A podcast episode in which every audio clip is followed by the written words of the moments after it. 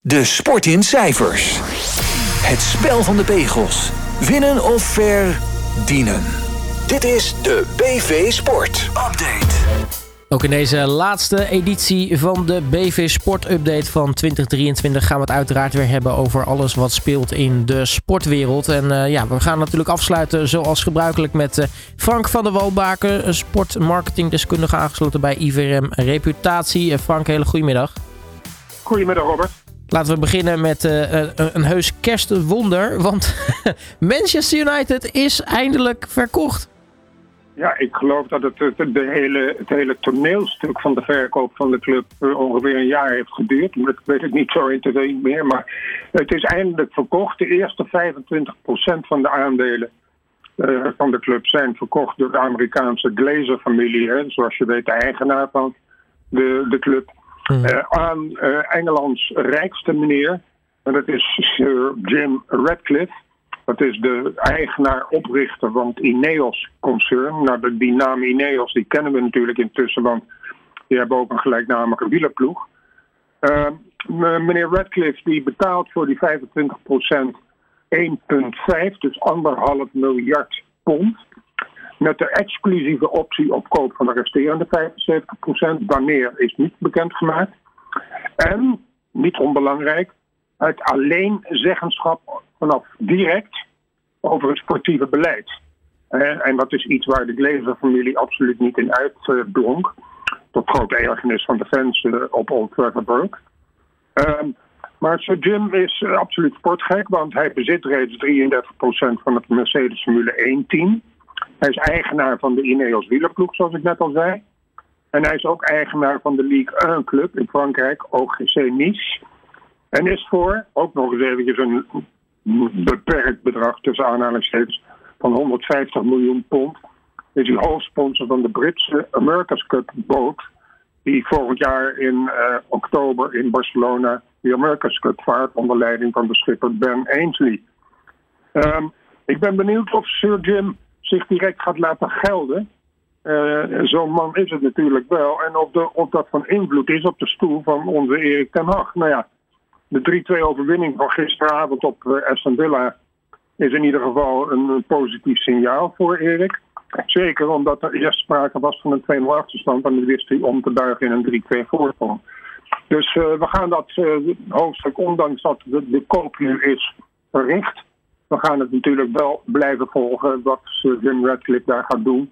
En of het op enige invloed, uh, van enige invloed is op de stoel van onze Erik ten Hag. Nou, het goede nieuws is in ieder geval dat, dat United meldt dat hij voor 345 miljoen euro in de club zou willen investeren. Dus nou ja, dan, dan is alweer een aardig bedrag uh, die hij wellicht deze winter al uh, tegemoet kan zien. Ja, en hij heeft ook aangegeven dat hij het niet alleen in de investering doet in, in de club zelf, in spelers. Maar ook dat Old Trafford, het stadion, uh, hoognodig toe is aan een facelift. Uh, zeker in concurrentie met het Etihad Stadion van uh, Manchester City uit dezelfde stad. Dus ja, hij schijnt een, een, een, een, waarde te vertegenwoordigen op de Engelse lijst van equivalent van onze quote-lijst in Nederland. Dat die 16 miljard waard zou zijn. Nou, dat, dus hij heeft een, een goed gevulde pot om Manchester United weer aan de top te helpen.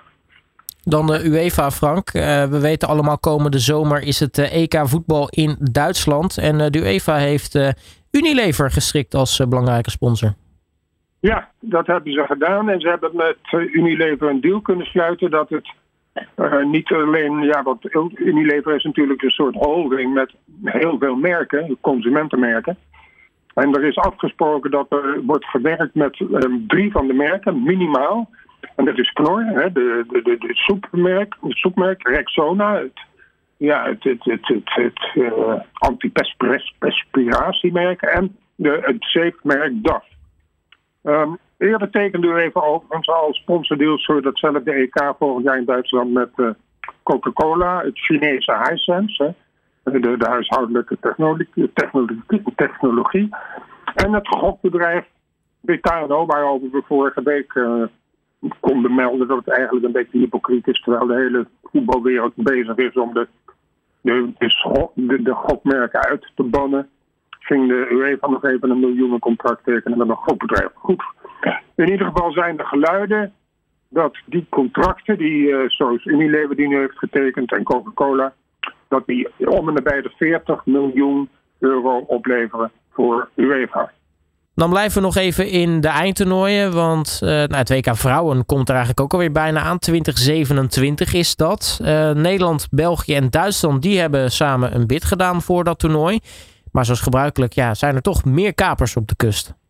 Ja, Nederland, Duitsland en ook België. Dat is de combinatie. Een, een trio landen hebben zich gekandideerd.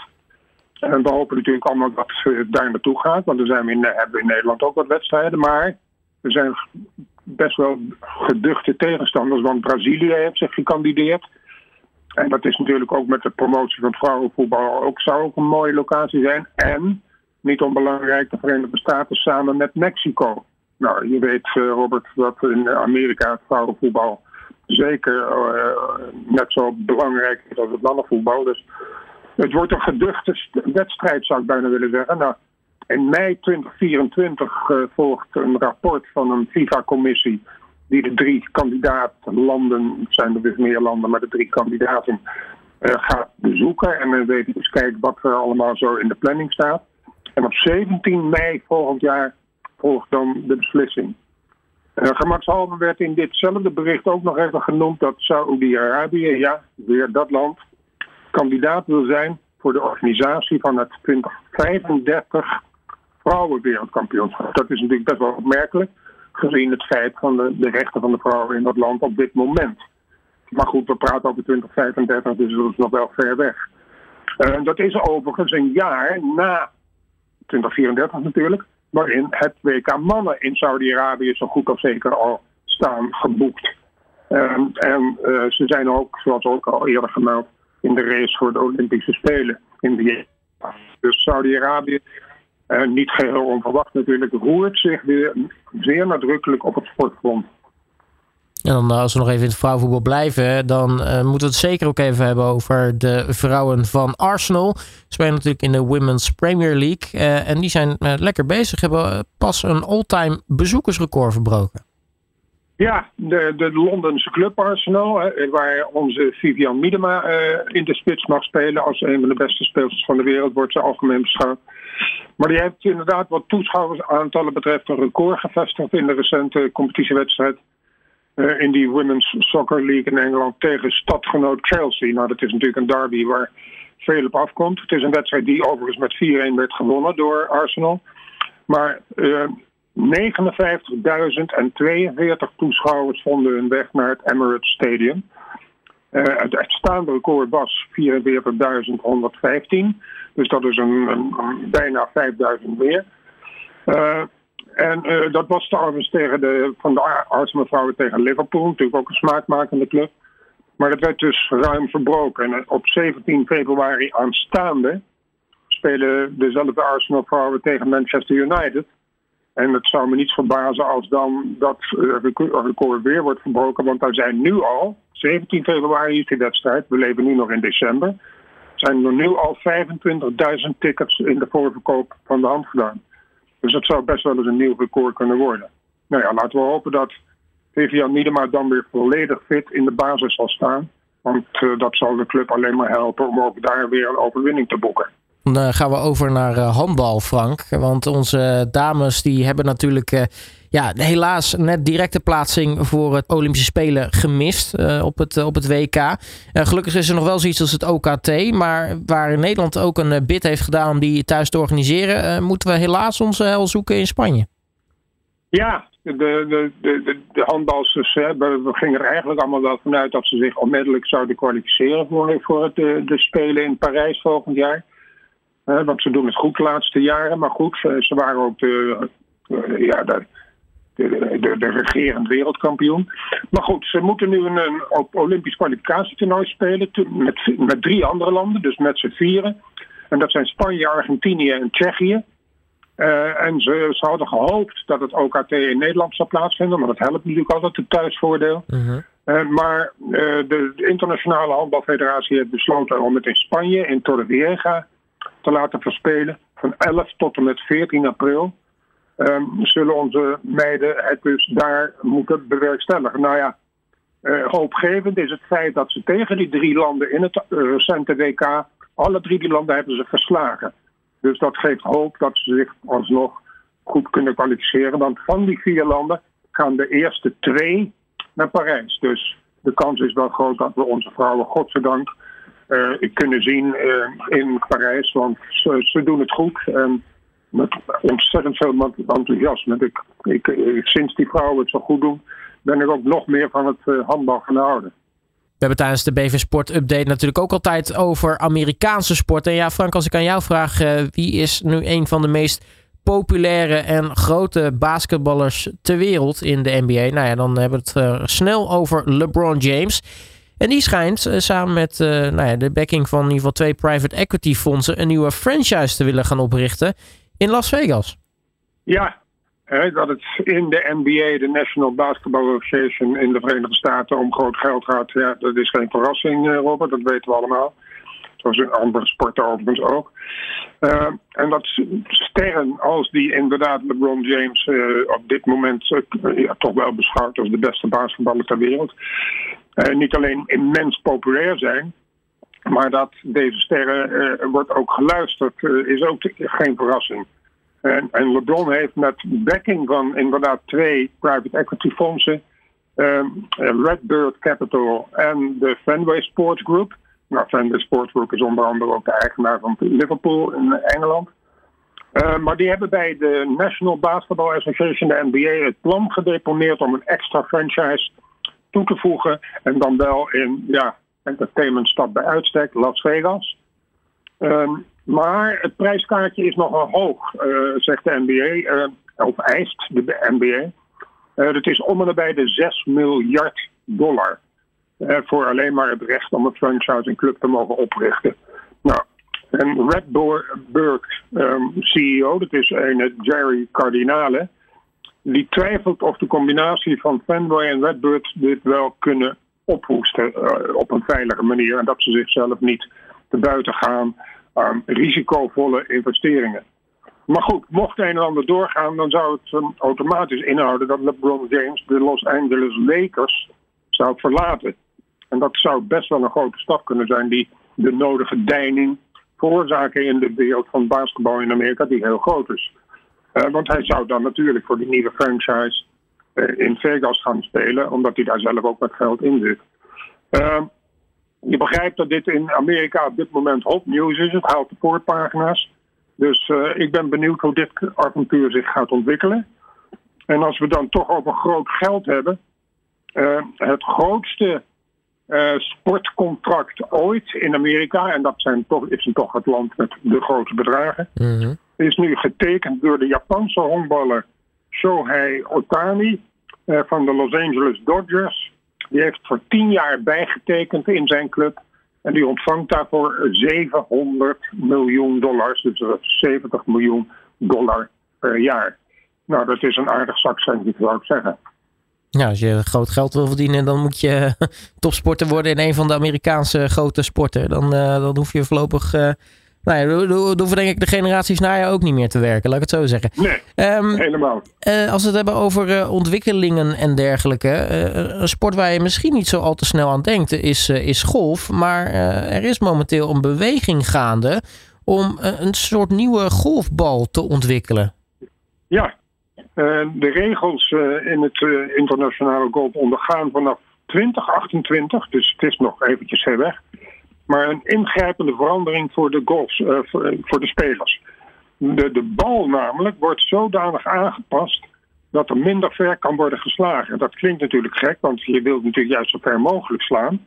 Maar daar zit een andere achtergrond achter. Er is uitgebreid onderzoek gedaan en tot de conclusie gekomen dat de golfsport baat heeft bij het verkorten van de afstanden die kunnen worden geslagen.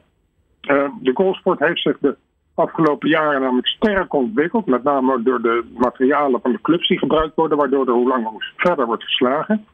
Nou, spelers zijn de bal dus steeds verder gaan slaan en veel golfbanen zijn daardoor te kort geworden. Nou, je kunt uh, best makkelijk uitrekenen dat als je alle, alle golfbanen moet gaan aanleggen, zeker de internationale golfbanen, omdat de spelers verder slaan, dan is dat een hele dure aangelegenheid. Dan kan je beter de bal veranderen, waardoor ze minder uh, gaan slaan. Uh, waardoor de natuur niet hoeft worden aangetast om die golfbanen aan te passen. Dus uh, men is ervan overtuigd dat dit besluit een van de belangrijkste manieren is om een duurzame toekomst voor golf te waarborgen. Al, dus het persbericht dat ik ontving. Um, ik vind dat wel een goede ontwikkeling dat men niet direct denkt aan uh, toch maar weer die sport nog verder laten slaan, nog meer dynamiek. Uh, maar dat men toch hier de prioriteit geeft aan het veranderen van al die golfbanen. Het veel meer geld kost en ook nog eens de natuur um, nou ja, enige schade toebrengt. En dan uh, sluiten we tot slot af. Uh, zoals gebruikelijk eigenlijk met uh, nou ja, autosportnieuws, maar ook Formule 1. Ja, um, dan komen we al gauw natuurlijk terecht bij team Red Bull. Um, er wordt op dit moment natuurlijk niet gereest, maar Red Bull is Red Bull niet als ze niet toch zorgen voor wat nieuws. En zij bedachten een, een stunt. Uh, het Formule 1 seizoen uh, zit er dus op, maar Red Bull uh, bereidde in eigen huis nog wel een heel bijzonder toetje op het raceseizoen. het team van Max Verstappen, wereldkampioen natuurlijk, besloot de vaste monteurs die bij elke race de pitstops voor hun rekening nemen nu een volledig blinde pitstop te laten uitvoeren. Dus volledig, ze konden helemaal niet zien in het donker. De monteurs waren dus uh, volledig afhankelijk van hun intuïtie en de onderlinge samenwerking, hè, het combinatiespel. De pitstop in de Red Bull Technology Campus vond plaats in een volledige donkere ruimte en de vizieren van de helmen waren ook helemaal afgedicht. Nou, de pitcrew bestaande uit 22 personen mocht het tien keer proberen. En het eindresultaat zie niet het pitstop met een snelheid van 2,8 seconden. Max Verstappen vooraf gevraagd: wat denk je wat de tijd zou zijn? Nou, hij zei van nou, dat kunnen ze van zijn levensdagen niet in de buurt komen van de snelle pitstop. Hij verwachtte dat het 6,69, dus zeg maar 7 seconden zou gaan duren. Maar het duurde dus uiteindelijk 2,8 seconden, wat maar een fractie meer is dan de pitstop die ze gedurende de race maken. En daar zijn ze ook al kampioen in. Dus het is wel weer een stunt. Het is, haalt de publiciteit weer. En wat dat betreft is Red Bull natuurlijk toch wel een stal die niet alleen wereldkampioen wordt, dus ook sportief wie het beste, maar ook nog altijd de stal is die ook nog het meest gekke, opmerkelijke dingen doet. En dat past natuurlijk bij het product Red Bull. En dan uh, tot slot um, nog iets leuks. Want nou, we kennen allemaal natuurlijk Jan Lammers, hè, jarenlang actief in de top van de autosport. Uh, we kennen hem als uh, sportief directeur van de Grand Prix van Zandvoort. Maar wat misschien niet veel mensen weten, is dat zijn zoontje René toch ook aardig aan de weg aan het timmeren is in autosportland. Ja, het is natuurlijk, je, krijgt gauw de parallel hè, van Jos Verstappen en Max Verstappen. Jos die zijn zoontje toch behoorlijk heeft geholpen kampioen te worden. Nou, nu probeert Jan Lammers hetzelfde met zijn zoontje René. René werd het afgelopen seizoen Europees kampioen karten. En ehm, ja, hij rijdt het volgend seizoen, gaat hij voor het eerst Formule rijden. Weliswaar nog de Formule 4. maar het is natuurlijk toch het, de stapsgewijze uh, route naar de Formule 1. Uh, hij viel dusdanig op dat Ferrari hem wilde uh, inrekenen bij de, via de Drivers Academy van Ferrari. Om voor Ferrari te tekenen voor meer jaren. Maar vader Jan zei dat in dit stadium van zijn ontwikkeling is het niet goed, al of niet terecht, het zal moeten blijken in de toekomst, om je nu al te verbinden aan de grote renstal. En ik denk dat daar toch zeker ook een rol heeft gespeeld dat Ferrari op dit moment nou niet uitblinkt door perfecte voorbereidingen, perfecte technische ontwikkelingen en perfecte tactiek. Dus hij heeft gekozen nu voor het MP Motorsport Team, dat al zeer nadrukkelijk ook aanwezig is op, het, uh, op de grid van de Formule 4, 3 en 2. Dus um, vader Jan heeft besloten, ongetwijfeld in overleg met René, dat uh, dat de beste weg is naar boven. Dus we zullen dat gaan volgen volgend seizoen.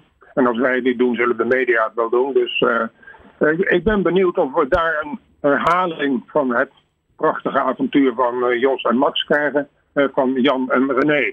Het zou wel heel erg leuk zijn voor de Nederlandse autosport. Absoluut. Daar Nou, sluit dat ik... was het weer. Nou ja, helemaal mooi. Ja, daar sluit ik me helemaal bij aan. Laten we hopen dat het een mooi vervolg eh, gaat opleveren. Frank, eh, hartelijk dank eh, voor je tijd. Eh, alvast natuurlijk een, eh, een gelukkig nieuwjaar en eh, tot, eh, tot volgend jaar. Ja, goede jaarwisseling en we spreken elkaar in het nieuwe jaar. Alle sporten van binnenuit. All Sport Radio.